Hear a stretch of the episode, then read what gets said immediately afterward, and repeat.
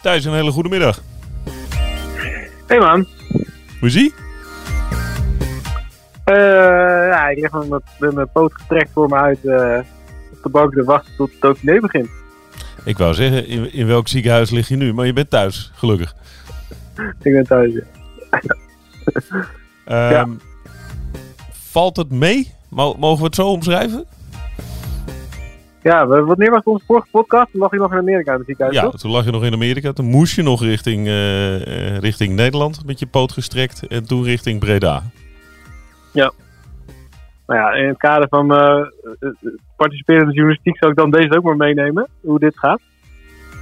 Ehm, want ik heb wel regelmatig ook afgelopen week moeten denken aan ja, jongens als eh, Steven Kruiswijk die nu ergens met een veel ergere kwetsuur eh, thuis op de bank ligt.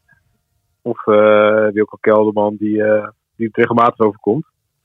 Of, eh, nou ja, ik loop nu de hele dag op krukken. Weet je nog de vorige keer dat we bij Annemiek van Vleuten waren met die, Ja, met die, met die enorme bal op haar knie? Dat ze nog eventjes op de krukken naar de cursus Spaans ging, geloof ik. ja, ja. Hebben we er nog weggebracht. Ja, dus eh, ja, ik eh, vlieg ondertussen al best wel tegen de muur op. Omdat ik graag eh, iets wil doen. Nou, dat ben vind ik van niks voor week jou. onderweg. Ja. ik ben wel een week onderweg. Maar het, valt, het, is, het, is, het is lang niet zo erg als ze in Amerika zeiden. Dus, ja, in Amerika wilden ze soms al klaar met een cirkelzaag en een gereedschapskist om de hele knie te gaan verbouwen. Omdat mijn kniepees zogenaamd door, zou, door zou zijn gescheurd. Zijn tweeën liggen, zei de arts daar. ja. En eh, ja, daar had ik eh, meteen al mijn twijfels bij of dat zo was. Omdat ik eh, het idee had dat ik mijn, knie, mijn, mijn knieschijf wel kon, kon optillen, zeg maar. Ook al deed dat wel pijn. Dus eh, ik dacht zelf te menen dat er toch wel enige functie was van die patella pace. Dus toen ben ik eigenlijk gaan bellen voordat ze in Amerika wilden gaan opereren. Ben ik eerst gaan bellen naar Nederland. En heb ik ook toch wel een soort WhatsApp video call opgezet met mensen die ik in Nederland kende en de, en de arts daar. Ehm, die, waar mensen dus in Nederland allemaal vragen naar gingen stellen. En toen eh, merkte je wel vrij snel dat ze op sommige vragen geen antwoord wist. En toen wist ik eigenlijk zelf wel genoeg eh, dat ik eh, niet daar wilde geopereerd worden. Ehm, en toen ben ik in, eh, in etmaal naar huis gevlogen via, van, eh, vanaf de middle of nowhere in Kansas. Via Kansas City, overstap in Detroit. Terug naar eh, Schiphol. Ehm, met mijn been zo goed in kaart. Dus het ging overal op eh, rolstoeletjes eh, bij overstappen. En eh, eh, het tweede deel in de business class gelukkig. Kon mijn been enigszins recht uit liggen. ja dat, ging, dat ging wel dus. Ja, dan nog. Verder van ideaal natuurlijk. Ja. Ja, ik had, het, ik, had het, ik had het relaxter verwacht eigenlijk. Het was nog wel een eh, behoorlijke trip. Ehm, en ook wel, nou, ja, bijvoorbeeld, ik vond het ook wel, wel confronterend dat als je in een rolstoel zit, dat dus iedereen bij de balies en bij eh, paspoort indienen en dat soort dingen, iedereen praat gewoon over je hoofd heen. Vond ik ook wel echt heel confronterend om te zien. Ja, Eh, het is, niks is erop ingericht dat je iemand eh, op de hoogte van een rolstoel eh, aanspreekt. Ja, iedereen heeft het dan alsof, ja, alsof er iets mis is, dan is met, met mijn hoofd, zeg maar. Op het moment dat, er, dat je been kapot is. Ja. Dus iedereen die, die praat tegen degene die de rolstoel duwde. In plaats van tegen mij. Ja. Dat was echt een heel gekke gewaarwording ook. En ook wel confronterend. En eh, ik vond het ook wel confronterend hoe het is om, eh, om zo eh, immobiel te zijn. En dus ja, elke trappetje. ja, dat gaat- gewoon niet. Dan moet je om of een beetje of je binnen de trappen op of weet ik zoiets. Ja, dus dat is ook wel wat dat betreft ook een leerzame ervaring. En ik heb van eh Jetse Plat inmiddels de aanbieding gehad om een keertje te komen handbiken en te kijken hoe dat is. Om dus wel zelf mobiel te zijn om kommetjes aan te vallen op de handbike. Lijkt me super tof om een keer te doen, dus dat ga ik zeker wel doen. Ja, maar daar wil ik wel mee. Dat lijkt me leuk. Zullen we hem ook dan meteen in de podcast? eh, Ja, dat lijkt me een uitstekend plan. ja, ik weet niet of dat nog voor de Tour lukt, maar het lijkt me sowieso echt heel tof om te gaan doen. Dus zal ik, hem, eh, ik ga hem even benaderen bij deze. Om dat eh, te cheffen. Ja, graag. Leuk. Ehm, maar om eh, het verhaal vast te maken. Ik eh, vloog eh, naar Schiphol. Daar werd ik meteen naar Breda gebracht. Waar een specialist klaar stond die mijn ploeg had geregeld. Piet. Ehm, in, bij de Bergman Kliniek in, in Breda. Daar ben ik echt super goed geholpen. Daar stonden gewoon twee eh, gasten voor me klaar die de echo aangooiden en de MRI. En eh, die, hebben, die hebben die knie dus van binnen bekeken. En die kwamen tot de conclusie dat die pees helemaal niet door was. En dat, er heus, eh, dat hij heus een klap heeft gekregen. En dat er overal kneuzingen zitten en eh, irritaties. En dat de beschermlaag zeg maar, over mijn kniepezen wel kapot is. Maar dat die kniepezen zelf helemaal niet kapot zijn.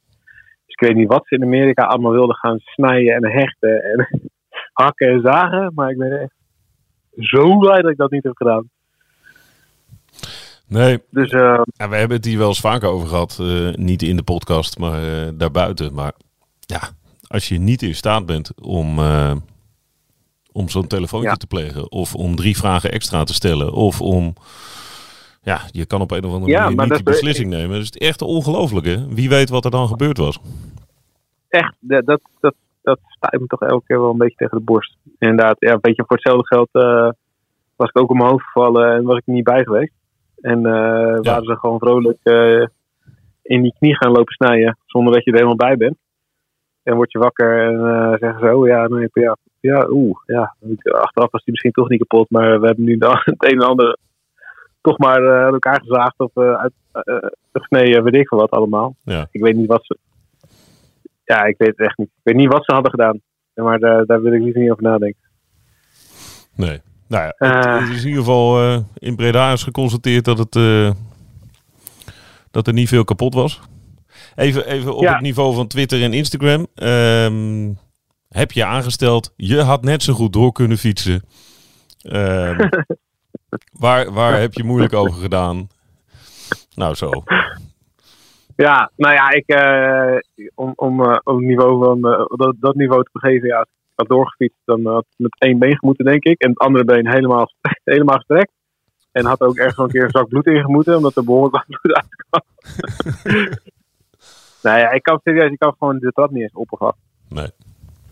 Dus ja, om daar nog eh 240 kilometer unbound mee te volbrengen, lijkt me heel eh, knap. Nee, maar eh, ja, dat, dat is helemaal niet. Ja, dat, dat, dat is meteen dat dat niet kon. Ehm, kijk, het probleem is nu gewoon dat die knie gewoon zo hard geraakt is. En dat, er, dat het leeswond zo diep is. En dat er eh, eh, ja, tot die kniepees aan is, gewoon, ligt gewoon alles open. Dus ja, nu is het gewoon één bak hechting en één bak kneuzing. Dus ik moet nu wachten tot dat een beetje oké is. En dan kan ik een beetje gaan eh, revalideren met de fysio. Ja. Maar goed, ik ben al... Kijk, als die kniepees door was, dan was het echt ja, vier, vijf, zes maanden waar je tegenaan kijkt. En nu is het, eh, eh, ja, nu, nu reken ik een week. Dus ik kan mee naar de tourhit. Ja, dat, daar ben ik buitengewoon blij om. Maar fiets je dan nog steeds harder dan ik? Eh, ik hoop het. Ja. Ik weet Ja, het ja, zal dat wel. is wel echt. Ja. nou ja, ik, ligt aan. kijk, ik- wat ik nu moet gaan doen is dus de komende tijd gaan kijken hoe ver die knie dus kan laten bewegen tot het punt dat ik hem zo ver kan buigen dat ik op de fiets kan zitten. Ja, dat is je revalidatie. Ja. Nou, gelukkig man. Ja, en als, ik, en als ik dan helemaal rond kan, als die knie dus helemaal rond kan, dan kan ik weer, nu was ik dus weer genoeg gaan buigen. Dus 110 graden geloof ik als je een fietsbeweging wil maken. Dan, eh, ja, dan kan ik dus fietsen. Dan eh, kan ik weer eh, serieus trainen. Dus de Tour wordt een trainingskamp, wordt revalidatie slash trainingskamp. God, Gaan we ook nog podcast opnemen tussendoor? Ik weet het eigenlijk niet, maar dat is eh, wel het belangrijkste. We dan Stel, moeten we ook eh, allemaal eh, drankjes en dingetjes voor je klaarzetten op grijphoogte en zo? Dat wordt, dit wordt ultiem prinsessengedrag, man. Bloedirritant. Blauwe M&M's graag? Ja, Ik heb, het- ik heb vandaag een beetje last van mijn knie. Kan je even een croissantje halen? Ja, ja. Kijk, in principe is, is, die, is die gewoon, eh, kan ik gewoon belasten bij de Tour. Maar dat was dus ook bijvoorbeeld de vraag, ja. als, als, hij, als hij echt die kniepers door was, ja, dan was het gewoon, eh, met, gewoon met in het wiel mee naar de Tour al een probleem geweest. En, eh, vakantie daarna en allemaal, allemaal dat soort dingen, ja. Maar Dus ik ben wel, eh, dat is wel een enorme opluchting. Ja. Maar deze dagen, ik eh, moet deze dagen vaak aan de Kruiswijk en Kelderman en Vleuten en, en al die andere renners en rensters denken die dan eh, zoiets meemaken en dan thuis liggen. Terwijl er koers bezig is en je denkt, godsamme. ik wil gewoon Ik wil ook. fietsen. Ja. ja. Ja, wat dat betreft is een keer op je mijl gaan een louterende ervaring. Nou ja, voor het hele participerende journalistiekproces hartstikke leuk. Ja, Hartstikke leuk. Echt, maar volgende keer slaan we het over. ja, graag. Ja. Ehm, moet het even de, het telefoontje naar de hoofdtechnische dienst van eh Carré? Moet daar wel of niet een rolstoel nu om je erop te duwen? Nee, ik eh, denk dat ik genoeg heb aan een paar krukken. Ja, maar wel krukken Nou, ik dus. hoop zelfs. Ik hoop zelfs.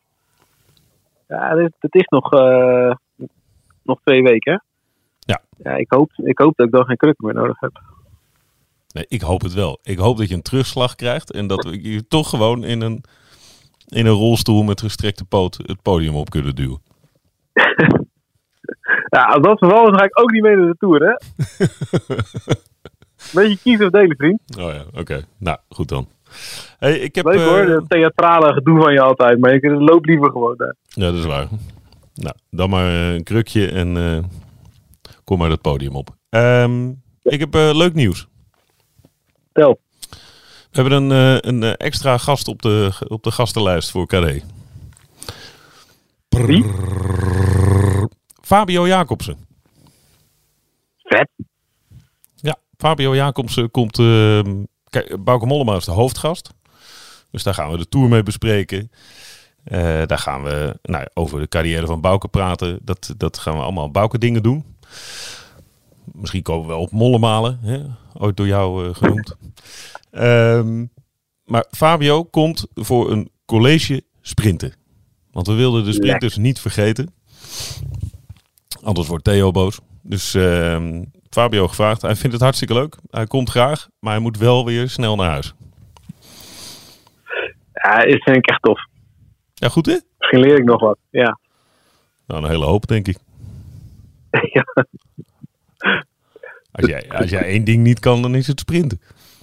Nou, ik denk serieus dat Fabio mij met één been eruit sprint. Ik denk dat hij in één been meer wat sprint dan ik in twee. Absoluut vermogen. Ja. Ja. Het zou leuk zijn. Bordje sprint, maar Fabio met één been en ik met twee. Nou, we kunnen toch zo'n, eh, we kunnen twee van die dingen op het podium zetten. En dan krijgt hij één trapper. Precies. Kijk, kijken wie er dan wint. Oh, Doe ja, echt super tof man. Heel leuk dat hij erbij is. Ja, goed hè? Dus het is eh, Ja. 22 juni. Even reclame maken, want eh, eh, het is zo mooi weer dat niemand denkt aan eh binnen zitten in Carré. Donderdagavond 22 juni vanaf 8 uur. Wees op tijd en koop een kaart. Ehm Bauke Mollema, Fabio Jacobsen. Wordt echt, het wordt een te gekke avond. We, krijgen, we hebben een muzikale gast. Hebben we ook nog niet genoemd. Muzikale gast is Ellen ten Damme. Die gaat het, eh, de avond openen. Speelt een aantal nummers en gaat de avond eh, sluiten. Nou, dus het, eh, Kan- het wordt Kan ook langzaam... slechter. hè? Ja, toch? Zo. En die heeft een aantal prachtige Franse nummers hebben we uitgezocht. Met een on- ontzettend leuke... Ja, het laatste nummer is, wordt heel erg leuk. Kortom, het wordt gewoon een ontzettend leuke avond. Heeft u nog geen kaarten? Koopt u vooral kaarten. Zullen we... Zullen we eens even over de Dauphiné praten? Nu we deze reclamepraat hebben gehad. Ja, ik heb deze dagen toch niet heel veel anders te doen dan Dauphiné kijken. Nee, daarom. Nou, doe ik een bumper en dan doen we Dauphiné. Ja.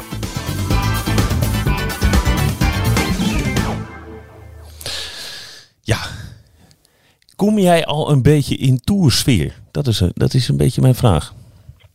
Eerlijk gezegd wel, ja. Ik, ik vind de Dauphiné altijd een heel fijne woordtour. Ja? Het is geen tour. Ja, en het is allemaal nog, nog voorbereiding. En ik heb, het idee dat het alleen maar erger is geworden de laatste jaren. Ehm, het is een beetje, een, beetje, een, beetje, een beetje testen en een beetje kijken waar iedereen staat. En het, ja, natuurlijk is Poggi er niet. Dat is denk ik een belangrijk. En de andere helft van het peloton zit straks in de ronde van Zwitserland. En er zijn er zelfs nog een paar de ronde van België. Maar toch een beetje kijkt, wat, uh, ja, ik ben toch wel, was toch wel heel benieuwd hoe Vingegaard die tijd reed en hoe die, uh, hoe die berg oprijdt. Ja, daar krijg ik wel toegevoel van hoor. Ja, het, het, valt niet tegen hè? Ja, hij is echt heel goed. Hij is echt heel, heel, heel, heel goed in orde. En, en Jumbo is goed in orde. Goed, dat zie je natuurlijk ook wel echt van, van mijlenver aankomen dat dat zo gaat zijn. Dus uh, ja, ik denk dat Vingegaard in de tijdrit uh, moest alleen Bjerg voor zich uh, dulden.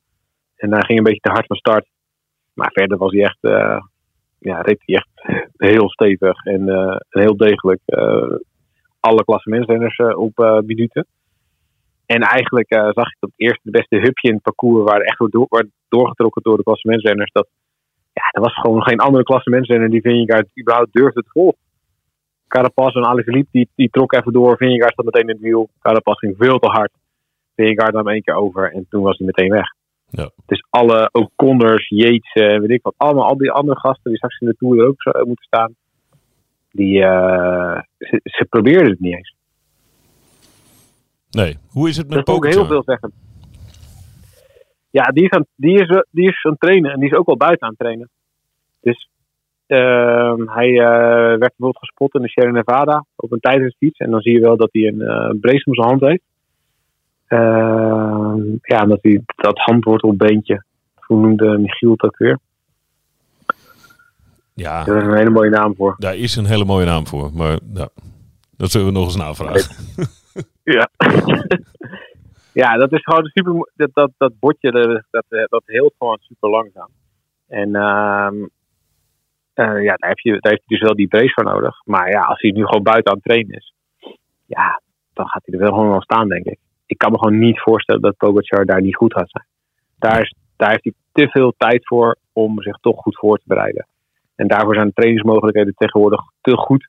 Ook uh, om binnen te trainen. En het, natuurlijk is het niet ideaal. En, en is het veel beter om uh, elke dag buiten te kunnen trainen. Ook voor je state of mind. Maar ik denk dat hij echt heel ver moet komen. En misschien gaat hij niet 100% zijn, maar dan gaat hij 99,9 zijn. Ik geloof gewoon niet dat Pogacar daar echt uh, daar zoveel last van heeft dat je dat meteen gaat merken eerlijk gezegd in de Tour. Daar heeft hij ook te veel talent voor. Ja, dat natuurlijk. Um, hoe essentieel is het om dat eens even uit te leggen? In welke mate moet je, voor mensen die wat minder fietsen dan, uh, dan jij, in welke mate gebruik je je handen? Uh, stiekem toch best wel veel. Ja. En ik denk dat je pas merkt op het moment dat je echt iets kapot hebt aan je handen. Uh, kijk, je steunt natuurlijk de hele dag op, op die handen. En uh, kijk, zolang je binnen fietst en het aantal schokken is beperkt en je hoeft alleen maar nou ja, de, de, de druk van je, van je bovenlichaam op te vangen met je, met je handen, dan gaat het nog wel. Maar op het moment dat je echt buiten fietst en dat je schokken krijgt, en dat gebeurt toch wel de hele tijd op de fiets, en zeker in een peloton, uh, waar je niet alle hobbels uh, en, en gaten helemaal ziet aankomen en je af en toe echt nog best wel een klap op je stuur krijgt. Ja, om nog maar niet te spreken als je over het linkertjes of kasseien fietst, dan krijg je toch best wel veel klappen op je handen. En dat, dat is natuurlijk wel de reden dat hij eerst een tijd binnen heeft gefietst. Uh, zodat die hand niet zoveel klappen krijgt. En uh, ik denk dat hij bijvoorbeeld best wel veel op zijn tijdritfiets nu traint. Omdat hij daar ook minder klappen op je handen krijgt. Dus het filmpje wat, je, wat enige tijd geleden naar buiten kwam op Sierra Nevada, waar je aan het fietsen was met een aantal toeristen. Dat was ook uh, op de tijdritfiets. En als je op de tijdritfiets ligt, dan, dan kan je natuurlijk iets beter je gewicht aan de voorkant uh, verdelen over je handen en je onderarmen en je elleboog. Dan lig je gewoon in dat tijdritstuur. Ik denk dat dat voor hem misschien nog wel wat fijner voelt dan uh, op de gewone fiets. Ja. Dus ik zou me niet verbazen als Pogacar echt knijt een goede tijd rijden in de Tour. Omdat hij extra veel zijn tijdritfiets heeft gezeten. um, maar dat, ja, daar heb je wel echt nodig. En, en ook als je gaat staan om te betalen, dan trek je toch best wel veel aan je stuur. En daar heb je wel echt je hand voor nodig. Ja, je handen heb je zeker ook nodig voor wielrennen. En, en ja, het is denk voor hem natuurlijk altijd een beetje de vraag hoe dat gaat zijn als hij straks echt in koers is. Ehm, en volgens mij gaat hij de ronde van Slovenië nog rijden, dus dan kan hij het proberen. Ja, Eh, dat is ook ja, wel de meest comfortabele voorbereidingsronde Voor hem. natuurlijk voor hem. Niet super goed deelnemersveld, kan hij echt wel een beetje testen. en Een beetje kijken hoe het is. Ehm, dus ja, ik denk wel dat hij daar. Ik denk wel dat dat een laatste test is. Hij gewoon gaat kijken in hoeverre houdt die hand zich als hij ook echt aan het koers bent. Nou, als je aan, kijk, als je aan het trainen bent, dan zie je natuurlijk alles echt net even wel beter aankomen dan als je in de peloton zit. Dan moet je vaak op het laatste moment reageren en dan is het toch wel meer hakken en zagen aan je stuur soms. Ehm, maar ja, het zou mij verbazen als hij daar echt. eh, als hij er zoveel last van heeft dat je dat in de tour meteen gaat merken. Eerlijk gezegd. Het kan natuurlijk wel zijn dat je het in de tour op een gegeven moment gaat merken omdat hij minder basis heeft of minder. Dat hij ergens in zijn opbouw wel iets gemist heeft. Maar als je kijkt naar het seizoen van Pogacar, dan was het ook niet heel gek om een rustperiode in te lassen. Hij heeft natuurlijk vanaf het eerste moment dat het seizoen begon, heeft hij in een ronde gereden als een soort tornado. Alle wedstrijden waar hij was, was hij goed. Hulde, Hij reed, eh, hulde. Ja, nou ja, hij reed vanaf begin februari tot eh, het moment van zo'n van zo'n valpartij in Luik naar Luik. Deed hij alle wedstrijden goed, alle wedstrijden hard. Was hij in elke wedstrijd dominant. Weet hij, weet, heeft hij weet ik hoeveel wedstrijden gewonnen. Dus het is ook op zich wel logisch natuurlijk dat hij ergens voor een keertje gas terug moet nemen. Dus misschien is het juist wel een soort van zegen voor hem. Dat hij niet meteen eh, weer volle bak door is gegaan met oh ja, ik pik dit wedstrijdje nog mee. En oh ja, ik daar nog even een trainingskamp. Oh, ik ga dat kommetje nog even aanvallen. En, ja, en dan dat hij opgebrand zou zijn in de Tour. Ik denk dat dat Jumbo daar ergens bijvoorbeeld wel op hoopte. Dat hij in het begin van het seizoen dacht, holy moly, wat gaat hij nu al zo hard beginnen? En nou, ja, eh, dit is aan de ene kant heel indrukwekkend. Maar aan de andere kant, ja, hoe hou je dat in godsnaam vol tot ergens in juli? Dus ik, ja, ik, misschien is het zelfs wel een, een soort van zegen voor hem. Een blessing in disguise. Dat hij niet eh, nog eventjes allemaal andere wedstrijden meepikt. En dat hij gewoon heel eventjes gedwongen wordt om een rustpauze in te lassen. Ik weet gewoon niet, ik weet gewoon niet hoe, hoe lang je dat vol kunt houden. Nee. Ook mentaal niet, hè? Want je moet gewoon elke wedstrijd moet je er weer, moet, moet je er weer invliegen en moet je weer, eh, de, moet je weer super scherp zijn en super agressief en super alert. En ja, ik, ik, ja, ik vind het echt ongelooflijk dat hij dat überhaupt als plan had. Dus en alle voorjaarsklassiekers wilt rijden en alle wedstrijden tussendoor ook nog wilt winnen en daarna meteen door naar de Tour. Ja, dat was natuurlijk wel echt wel, een, had zijn bord wel heel vol opgeschet. Ja, je zag overigens nergens dat hij daar last van had. Toch? Het, Nee, was, nog het niet. was nog niet naar boven gekomen. Nee. Nee, nog niet. Nog niet. Al kon je natuurlijk wel zeggen dat hij in de Amstel bijvoorbeeld, het laatste deel. Ja, is daar, waar. daar zag je wel dat hij een paar kraakjes vertoonde. Dat Healy aan het, aan het terugrijden was naar hem eh, op enig moment. Ja, maar goed, dan was hij ook al 100 kilometer in aanval. Ook wel logisch op zich. Maar ehm, ja, het, het, had het was niet een. Het was meer een soort van seizoensopbouw op pure rage en, en van dat hij de Tour van vorig jaar had verloren en, en, en het plezier van, oh, dan win ik die ook nog eventjes. Dan dat het nou echt een gestructureerde, rationele, goed opgebouwde seizoensopbouw was. Zoals ze hem hadden, zoals ze het voor hem hadden gepland. Maar hij heeft toch niet zijn seizoen op gevoel. Is hij toch niet ingegaan? Hier, hier, hier gaan nog, goed, toch heel veel mensen overheen met de gedachtegang. Of zie ik dat verkeerd? Als hij zegt ik wil alles rijden, dan gaat hij alles Ehm, rijden. Nou ja, ze hebben natuurlijk wel ook wel vaak op het laatste moment het programma omgegooid. Ja, dat is waar. Dat is wel drie keer gebeurd, ja. Ja, dat is toch wel echt anders. Ja, kijk, dat is echt wel rigoureus anders dan hoe ze bij Jumbo omgaan met Vingegaard bijvoorbeeld. Thuis. Die weet van tevoren voor het seizoen echt precies op welk moment hij wat gaat doen. En wanneer hij op hoogte gaat. En eh, ja, Pogacar is nu eigenlijk voor het eerst op hoogte. Eh, en ook dat is in, in, eigenlijk in de wetenschap, eh, ja, is dat niet de beste manier om de Tour voor te bereiden. Eigenlijk wordt heel vaak gezegd, één keer hoogte is geen hoogte. Ehm, ja, waarmee ze dus willen zeggen, ja, dat is prima als je op hoogtekamp gaat. Dus als je op hoogtestage gaat en je, je traint daar en je laat je lichaam daar wennen aan, eh aan de ijlere lucht en je Eh, zorgt ervoor dat dus je, je ademsysteem eh, iets, iets efficiënter functioneert en je haalt wat extra rode bloedlichaampjes op. Als je dat maar één keer doet, dan heeft het, natuurlijk heeft het effect. Maar het heeft pas echt effect als je dat keer op keer op keer doet. Dat is, dat is de reden waarom ze bij Jumbo al in februari eh, bovenop een, een of andere berg zitten. En dan in eh, mei weer en in juni weer. Dat gaat, dat, ja, die kan- gaan er elke keer naartoe terug. Tussen wedstrijden door. En Pogacar heeft helemaal geen tijd gehad om dat te doen. Want die reed gewoon alleen maar wedstrijden. Dus hij heeft echt een totaal andere en veel minder wetenschappelijk onderbouwde seizoensopbouw eh, gekozen. Eh, en dat heeft hem in het voorjaar natuurlijk wel heel ver gebracht. Want hij heeft de Ronde van Vlaanderen gewonnen. En, eh, en, en, nog een aantal prachtige wedstrijden. En hij heeft ons allemaal eh, verbaasd. En En ik denk dat heel veel mensen eh, vermaakt. Zeker. Ik heb echt ja, we hebben van hem genoten natuurlijk hoe hij daar een keer huis hield. Ja. Maar ja, met het oog op de Tour. mm, ja, was het niet de meest verstandige. Was het misschien niet de meest verstandige opbouw. En daar heeft hij nu wel echt de tijd voor. Om, om gestructureerd te trainen en om, om op hoogte te zijn.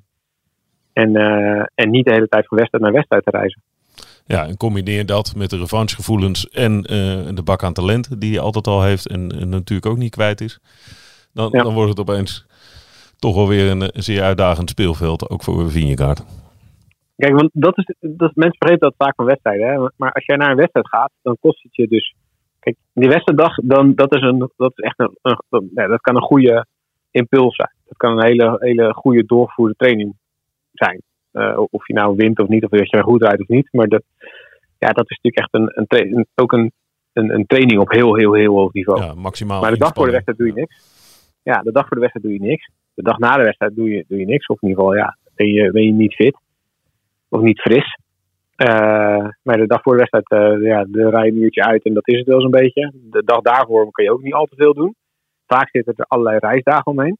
Eh, zeker in de kalender zoals die nu is. Ja, het is niet zo dat je wekenlang op dezelfde plek bent. Je moet ook nog overal naartoe. Nou, dus die reisdagen die ben je ook allemaal kwijt. Dat kost je ook allemaal energie. En dat kost je ook trainingsdagen. Dus ja, als je dan gaat kijken hoe je in wedstrijdweken, wat je eigenlijk aan echte trainingsdagen overhoudt, dan is het vaak echt, ja, daar schrik je ervan hoe weinig dat er zijn. En dat heeft Pogacar natuurlijk het hele voorjaar gedaan. Die, heeft gewoon, die is gewoon van wedstrijd naar wedstrijd getrokken. Elke keer reisdagen, elke keer, eh, ja, de wedstrijden waren dan zeg maar zo'n zo'n zo'n echte, serieuze trainingen. En tussendoor, ja, kun je niet zo heel veel doen. En ja, op een gegeven moment betaal je daar wel de rekening voor. En als je dat vergelijkt met, eh, ja, met, met renners die echt de Tour voorbereiden en die dan wekenlang op één stuk bovenop een vulkaan zitten en daar hele serieuze trainingen doen en blok na blok. En ja, dat is lastig om daar tegenaan te trainen als je alleen maar aan het reizen bent en wedstrijden aan het rijden bent. Ja. We hebben ook altijd gezegd, Pogacar, die, weet je, als je goed bent, val je niet. Dat, dat is natuurlijk een te makkelijke eh, opmerking. Eh, maar Pogacar, die, ja, die rijdt natuurlijk ook zo sterk. En lag er eigenlijk nooit bij. Niet of nauwelijks. Zou het ook zo kunnen zijn dat, dat zo'n vol programma het gevolg is eh, van zo'n val?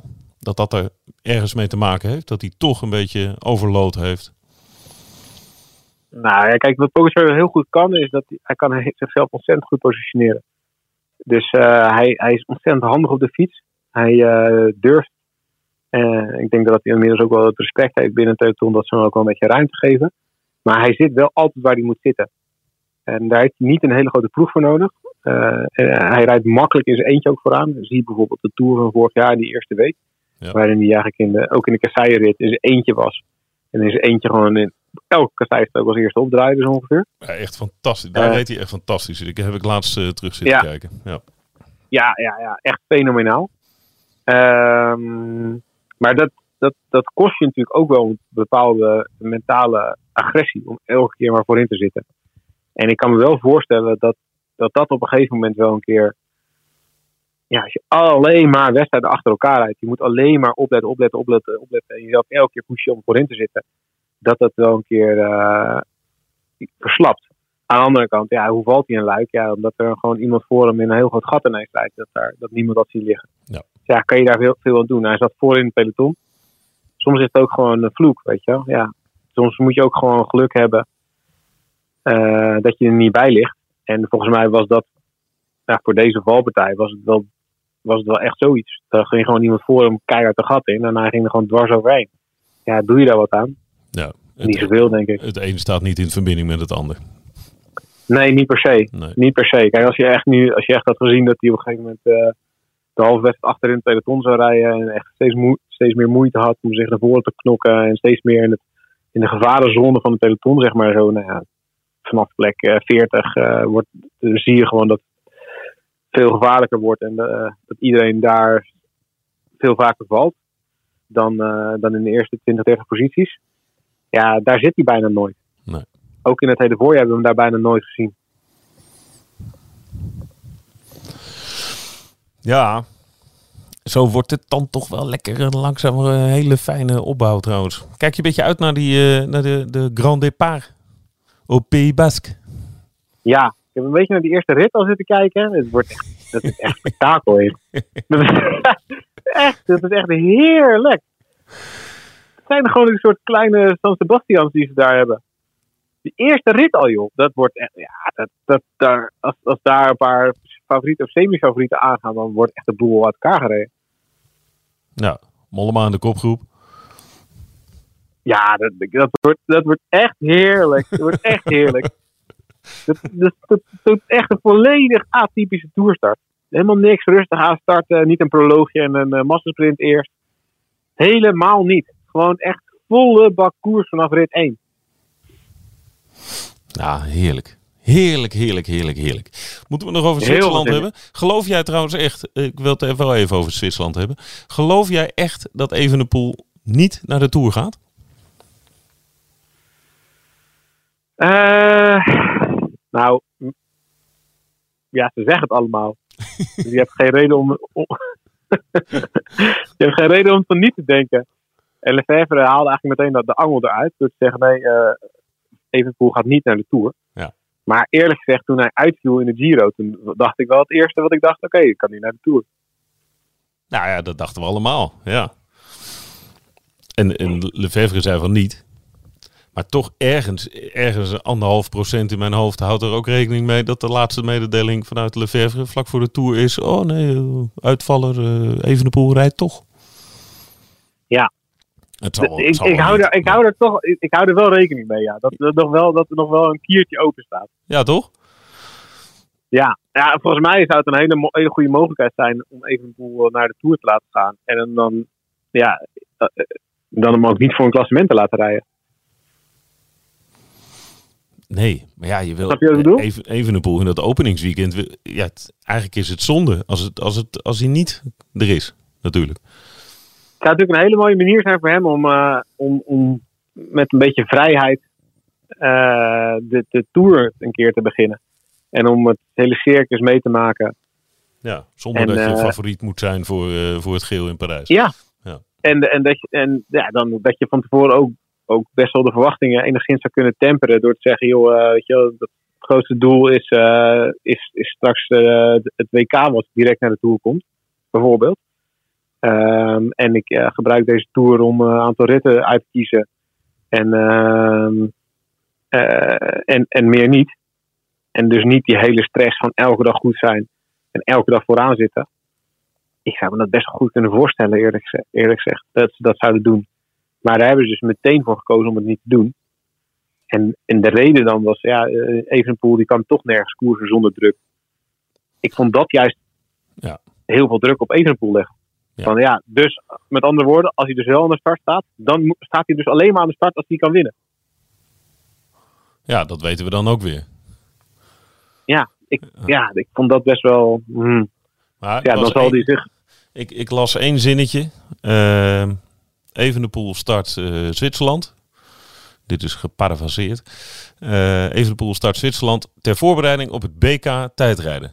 Toen dacht ik, nou, dat is een volwaardige voorbereiding.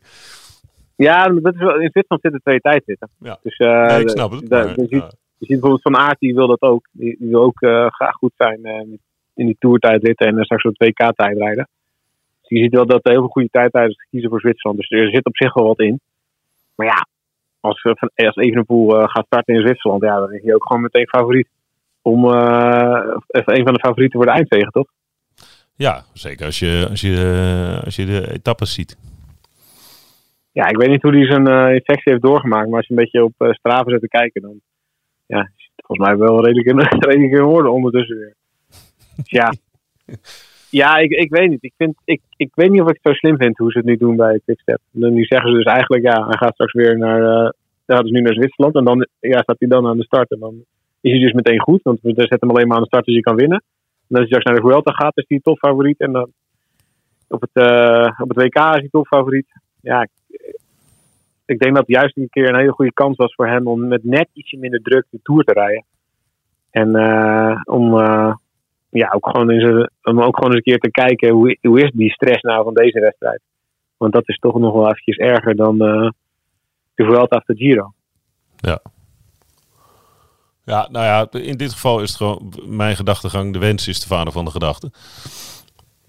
Ja, ik, denk wel dat uh, bij Quickstep Alaphilippe rijdt goed. Ik denk dat ze daar wel blij mee zijn. Dus ze hebben, in die zin hebben ze Evenpoel misschien wel iets minder nodig. Als die nou ook bijvoorbeeld heel slecht zou zijn, of als die nou nog eens een keer op zijn muil zou gaan of uit zou vallen, dan ja, wie weet dat ze dan, dat ze dan Evenpoel alsnog oproepen. En je weet ook dat in deze coronatijden dat het ook in de, in de laatste week voor de Tour ineens allemaal nog wel op, op, op een hoop kan gaan. En dat er ineens overal vandaan renners moeten worden opgetrommeld. Nou, dat is waar, ja. Dus ik zou het niet helemaal uitsluiten. Nee. Oké, okay, anderhalf procent. Ja. En dan, en dan is 1% daarvan is, uh, dat we hopen dat het gebeurt. Zou wel leuk zijn, hè? Ja, het zou wel echt tof zijn, ja. Hey, het coronaprotocol is terug ingevoerd in de Tour. Heb je die mail uh, voorbij zien komen in het ziekenhuis in Amerika? Nee, vertel even. Wat moeten we allemaal doen? Ja, we gaan gewoon weer terug naar wat het was.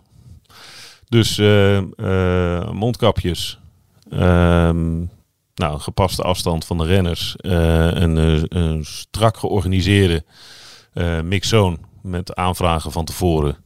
Maar dus ook voor renners, laten we het beestje maar bij de naam noemen, ook gewoon een heerlijke kans als je geen zin hebt om hard aan voorbij te kachelen. Um, er is voor ons geen ruimte om naar de bussen te gaan als ik de briefing helemaal goed heb gelezen. Ja, dus het, het, het lijkt sterk op uh, de corona-editie van 2020. Nou, ik, zou het er, ik, ik vind het goed dat ze het doen, eerlijk gezegd. En uh, misschien voor journalisten niet leuk, voor ons niet leuk. Maar uh, ik vind het goed dat ze doen, wel op voorwaarde dat ze dan ook al die bussen en zo, dat ze het terrein ervan afsluiten voor het publiek. Dat was vorig jaar bijvoorbeeld niet zo. Weet je nog, dan kon je gewoon overal tussen die bussen doorlopen. Als, eh, na, na de wedstrijd kon iedereen daar komen. Ja. En dat die renners dwars door het publiek heen naar, naar de bussen moesten. Wat ik echt, uh, echt volkomen belachelijk vond. Omdat toen ook nog gewoon het corona. Ja, dat als je corona had, dan was het gewoon uh, naar huis. Um, ik vind het wel goed dat ze het doen. Ik denk uh, wat er in de Giro is gebeurd, dat is, is echt een rampscenario. Ja. En uh, daar heeft de Giro-organisatie ook gewoon echt, echt totaal niet aan meegewerkt om, het, om, het, om, het, om de renners te beschermen en de ploegen te beschermen. Nee, ik dat vind is wel goed dat de Tour dat wel doet. Ja, het is ter bescherming van de renners.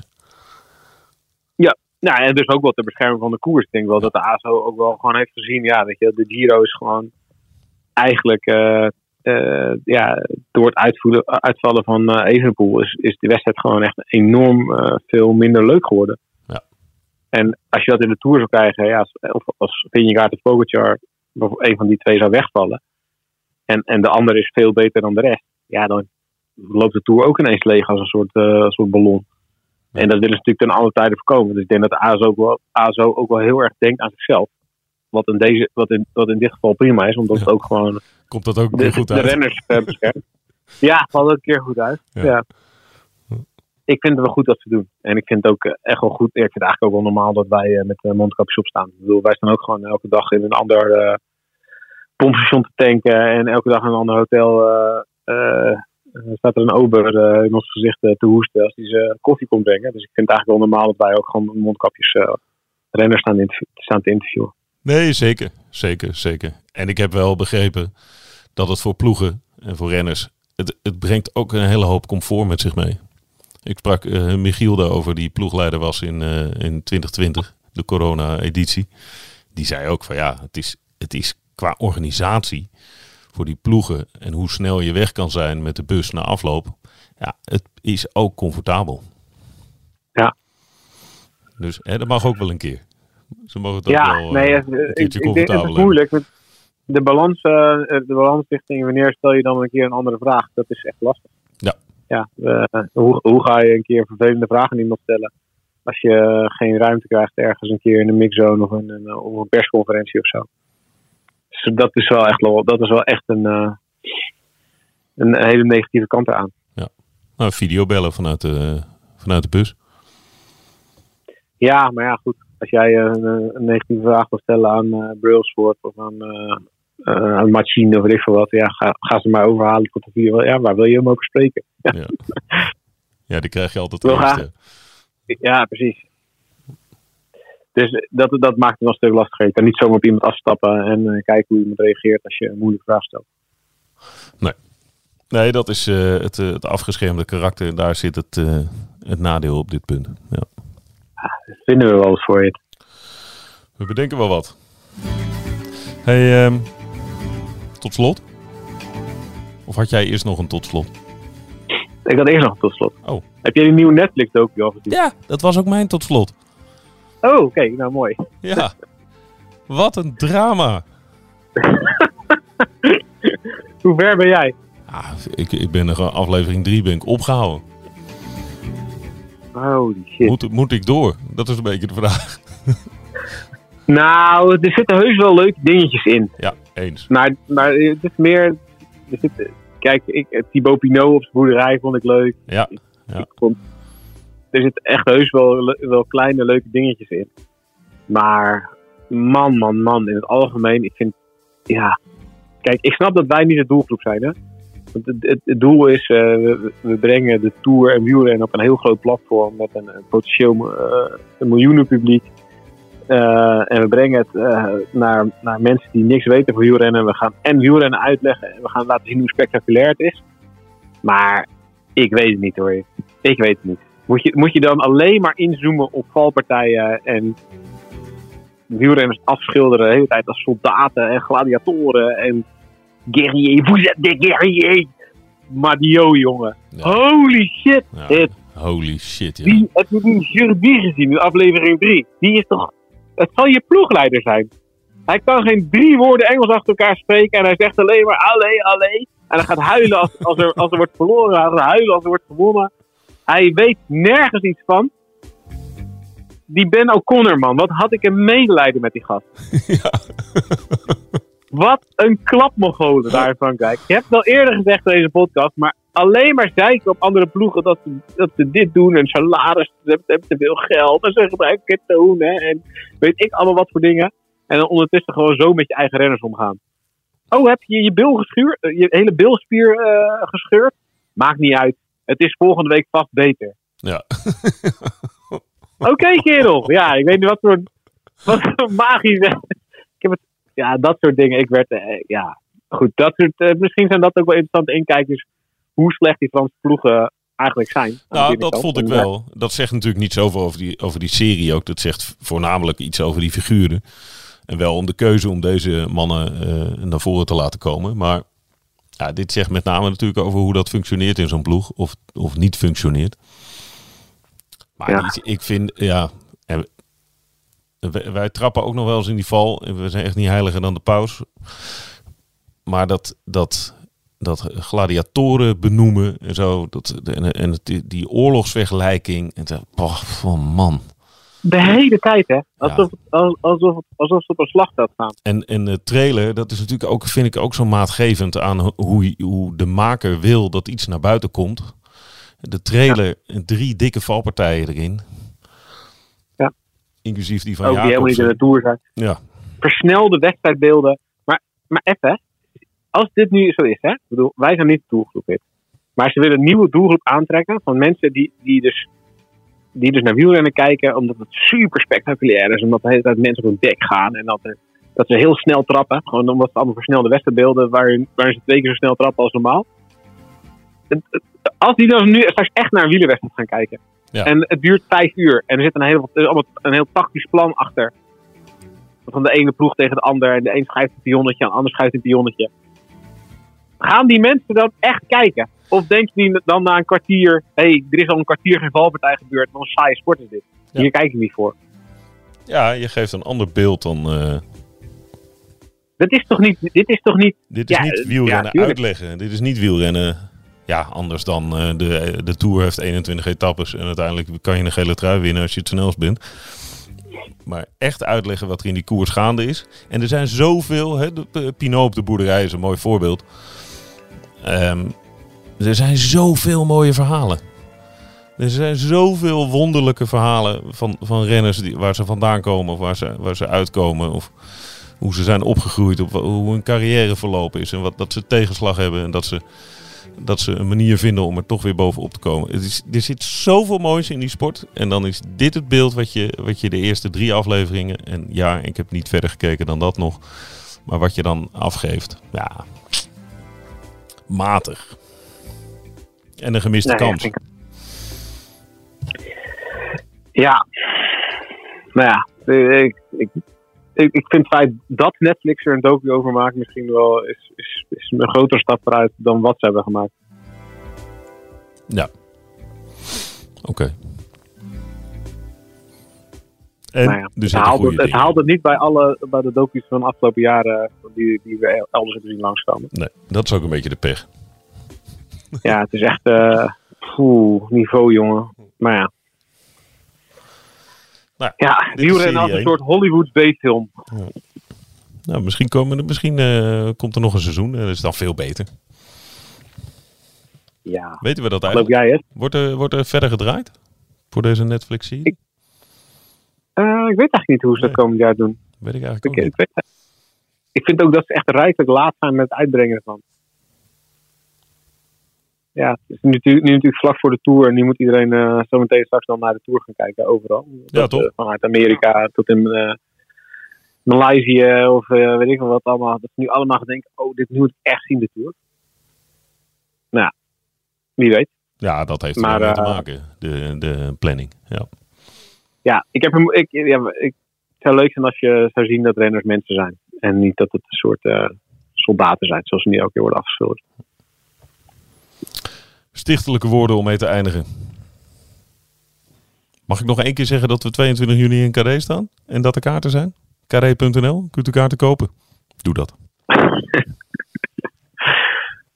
Top! Oké man, dankjewel. Eh ik spreek je nou, eh, binnenkort maar weer. Hè? Dan moeten we een beetje de boel in de gaten houden. En dan eh, zo in aanloop naar de Tour komen we nog wel een paar keer voorbij. Ja, ik, eh, als je van de week met de podcastbus een keer komt langsrijden, dan uh, hijs ik me er wel in. Oké, dat is een afspraak. Helemaal goed. Top. Oké, ciao ciao. Yo. Hoi, ik ben Joost Twinkels, radio-dj bij Q Music. Dit is mijn vader Piet. Lieve Joost, je staat nou recht tegenover mij. En ik praat nou op twee manieren tegen jou. Als je dit bandje luistert, dan weet je niet meer dat je hier gestaan hebt. Dit jaar is hij precies 20 jaar dood. En ondanks dat ik me weinig van hem kan herinneren, mis ik hem. Speciaal voor mijn broer Koen en mij liet hij brieven en audio-opnames na... die ik in deze podcast induik om niet alleen hem, maar ook mezelf beter te leren kennen. Ik heb geprobeerd om jullie te vertellen dat liefde het allerbelangrijkste is. Hou van elkaar en van de wereld om je heen. Dan komt alles goed. Liefst Papa Piet luister je nu in je favoriete podcast-app.